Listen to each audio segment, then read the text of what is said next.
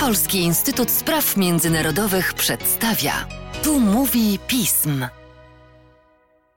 W podcaście Polskiego Instytutu Spraw Międzynarodowych witam Państwa Łukasz Jasina i witam, powiedziałbym dawno niesłyszaną, ale w sprawach białoruskich rzeczywiście dawno niesłyszaną, Annę Dyner. Cześć Aniu. Cześć Łukaszu. Mamy sporo spraw do omówienia, przede wszystkim to, co się na Białorusi w ogóle dzieje w marcu 2021 roku, zwłaszcza, że z obszaru zainteresowań dziennikarzy bardzo mocno zeszła Białoruś i to, co się tam dzieje. Ale myślę, że chyba najpierw zaczniemy od tego, co się dzieje z białoruskimi Polakami, z przywódczynią Związku Polaków na Białorusi. Czy można powiedzieć, bo to się pojawiało w naszych niektórych innych rozmowach, że zamieszkali na Białorusi Polacy są zakładnikami Łukaszenkowskiego reżimu? Niestety mm, polska mniejszość na Białorusi jest zakładnikiem stosunków polsko-białoruskich, jest zakładnikiem Aleksandra Łukaszenki. I tak w zasadzie było od lat, tak w zasadzie jest to do 2005 roku, czyli od inspirowanego przez białoruskie władze rozłamu w Związku Polaków na Białorusi. Tyle, że wtedy ten rozłam nie tyle miał wymiar antypolski, co miał wymiar anty największa niezależna organizacja społeczna na Białorusi. Natomiast obecnie białoruscy Polacy padli ofiarą złych stosunków, padli ofiarą wydarzeń politycznych ostatnich kilku miesięcy na Białorusi. I z tego powodu e, najbardziej znani, czyli Angelika Borys i Andrzej Poczobut, przebywają w więzieniach e, w Mińsku. Dotyczy to również przywódczyń innych organizacji związkowych działających w ramach ZPB. I wygląda niestety, biorąc pod uwagę, jakie zarzuty zostały postawione liderom Związku Polaków na Białorusi, wygląda, że reżim Aleksandra Łukaszenki będzie zmierzał do brutalnej rozprawy z tym związkiem.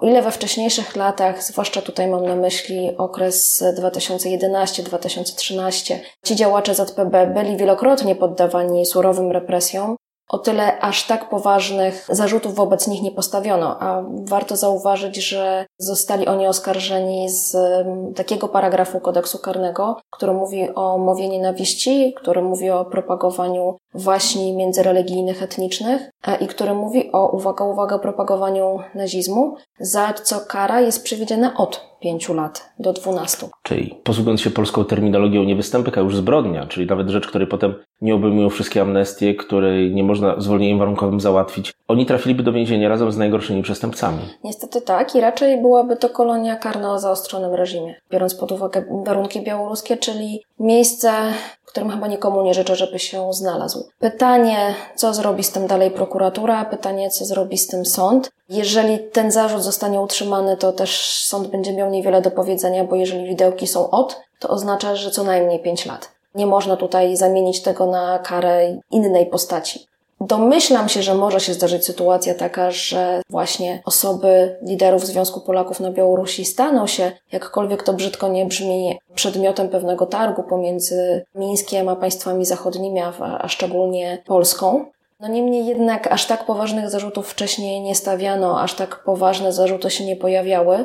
I nawet e, sytuacja, w której Andrzej Poczobut też spędził dłuższy okres w więzieniu, ona raczej e, dotyczyła wtedy bardziej prawa prasowego, kwestii zniesławienia prezydenta Białorusi, a nie kwestii takich właśnie jak międzyetniczne. Natomiast problem tutaj też polega na tym, że znów ten niezależny Związek Polaków na Białorusi padł ofiarą również dlatego, że jest niezależny, tej swojej niezależności. Bo warto podkreślić, że liderzy ZPB bardzo mocno angażowali się w protesty przeciwko. Do czego mają zresztą prawo jako obywatele Białorusi. Dokładnie angażowali się w protesty przeciwko fałszerstwom wyborczym, przeciwko brutalności sił e, milicyjnych na Białorusi. No i to zostało im zapamiętane. Natomiast też warto podkreślić, że ta sytuacja jeszcze jest o tyle bardziej skomplikowana, że Aleksander Łukaszenka w zasadzie od niemal dnia wyborów prezydenckich, od czasu, kiedy zaczęły się masowe demonstracje, zaczął nieco w panice poszukiwać e, przyczyny, no i najłatwiej było mu ją znaleźć w postaci wroga zewnętrznego. A z kolei najłatwiej wrogiem zewnętrznym było zrobić państwa sąsiednie, takie jak Polska czy Litwa.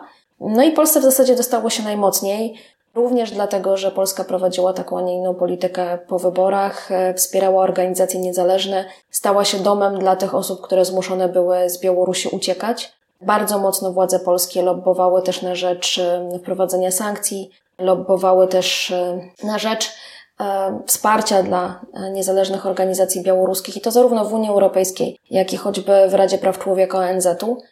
No i to wszystko nie zostało zapomniane. Do tego wszystkiego warto jeszcze dołożyć jedną kwestię, czyli słynne słowa Aleksandra Łukaszenki o tym, że Polska chce zagrabić Grodzieńszczyznę, e, że NATO tylko myśli o tym, jak uderzyć na Białoruś i grzechocze gąsienicami czołgów u jej granic. Oczywiście to były słowa, które miały, czy w zasadzie były skierowane do Władimira Putina i do rosyjskich władz, do których Aleksandr Łukaszenka zadzwonił z prośbą o pomoc. No niemniej jednak e, pokazało to, że najłatwiej było znaleźć winnego w Polsce, również wśród Białorusinów e, żyjących e, w Polsce. I nie mam tutaj na myśli białoruskiej mniejszości jako takiej, ale przede wszystkim tych, którzy w ciągu ostatniej dekady, nawet troszkę więcej niż dekady, też byli zmuszeni z przyczyn politycznych głównie emigrować i wybrali Polskę jako swoje najlepsze miejsce do życia czego choćby przykładem jest e, telegram kanału Niechta, czy... Większość pracowników Bielsatu. To właśnie chciałam powiedzieć, czy, czy większość pracowników Bielsatu oraz choćby na przykład bardzo prężnie działający Dom Białoruski we Warszawie. No i to wszystko spowodowało, że niestety rykoszetem dostała mniejszość polska e, na Białorusi. Do tego wszystkiego jeszcze jest to o tyle e, smutna historia, że w zasadzie Niezależnie od tego, że Białoruś łamie przy tym zobowiązania międzynarodowe, choćby traktat o dobrym sąsiedztwie z Polską, nie mamy za bardzo jako państwo bardzo dużych możliwości reakcji. Oczywiście możemy apelować, możemy, możemy potępiać, możemy próbować się kontaktować z władzami Białorusi, możemy ciągle poruszać to na, na różnego rodzaju forach międzynarodowych. No niemniej jednak, jeśli białoruskie władze postanowią, że Angelika Borys i Andrzej Poczobut y, trafią na, z długoletnimi wyrokami do kolonii karnej, to tak się stanie. Czy Aleksander Łukaszenko robi to na zimno, czy też jest spowodowane jakimiś antypolskimi fobiami?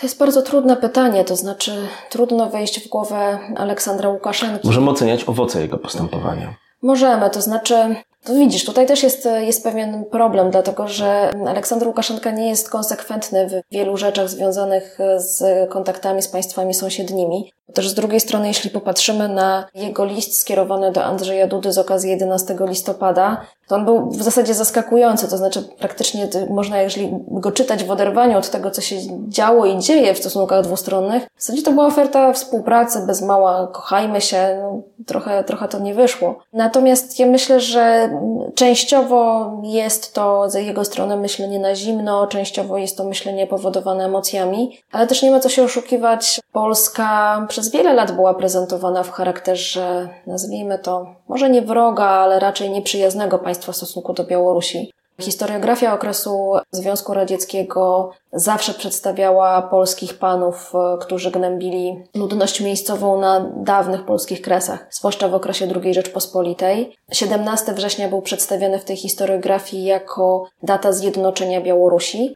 A to w tej historiografii, w tej historii, w tej jej wersji był kształcony Aleksander Łukaszenka, który jest historykiem z wykształcenia, o czym też warto wspomnieć. Mm, no i z tego powodu myślę, że to myślenie takie antypolskie zostało. Też warto dodać, że Aleksander Łukaszenka jest ze wschodniej Białorusi, która miała mniej kontaktów społeczno-kulturalnych, tak bym to nazwała, i historycznych z Polską, bo już postrzeganie Polski im bardziej na zachód Białorusi, tym, tym było zupełnie inne.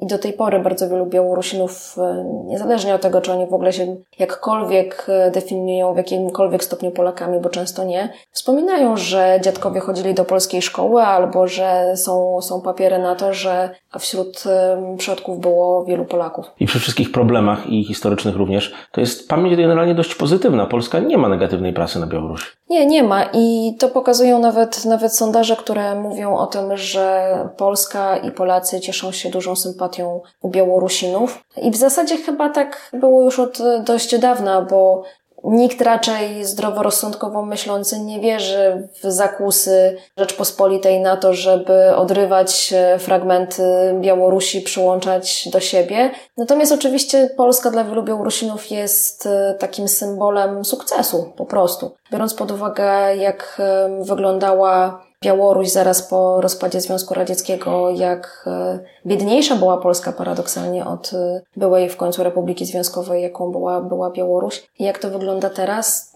nie ma, nie ma porównania. I w zasadzie bardzo wielu Białorusinów z, taką, z taką dużą nutką żalu mówi, że Bóg, który przecież nie jest jakąś bardzo wielką rzeką, stanowi jednak niesamowitą granicę dwóch światów. A w niektórych miejscach nie ma nawet takiej rzeki. To jest bardzo umowna granica choćby między województwem podlaskim a obwodem grodzieńskim. Tak, czasami się zdarza, że na przykład żubry powodują alarmy na granicy.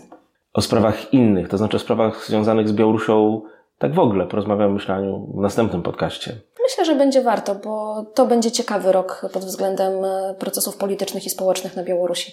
Tak, myślę, że całkowicie się z Tobą zgadzam. To, co się stało na Białorusi, się nie skończyło. Nie ma marazmu. Namawiam naszych wszystkich słuchaczy do tego, aby czytali teksty napisane przez Annę i innych naszych analityków, choć głównie przez nią, na tematy białoruskie, bo naprawdę znajdziemy tam parę wyjaśnień. To prawda. Dzięki wielkie.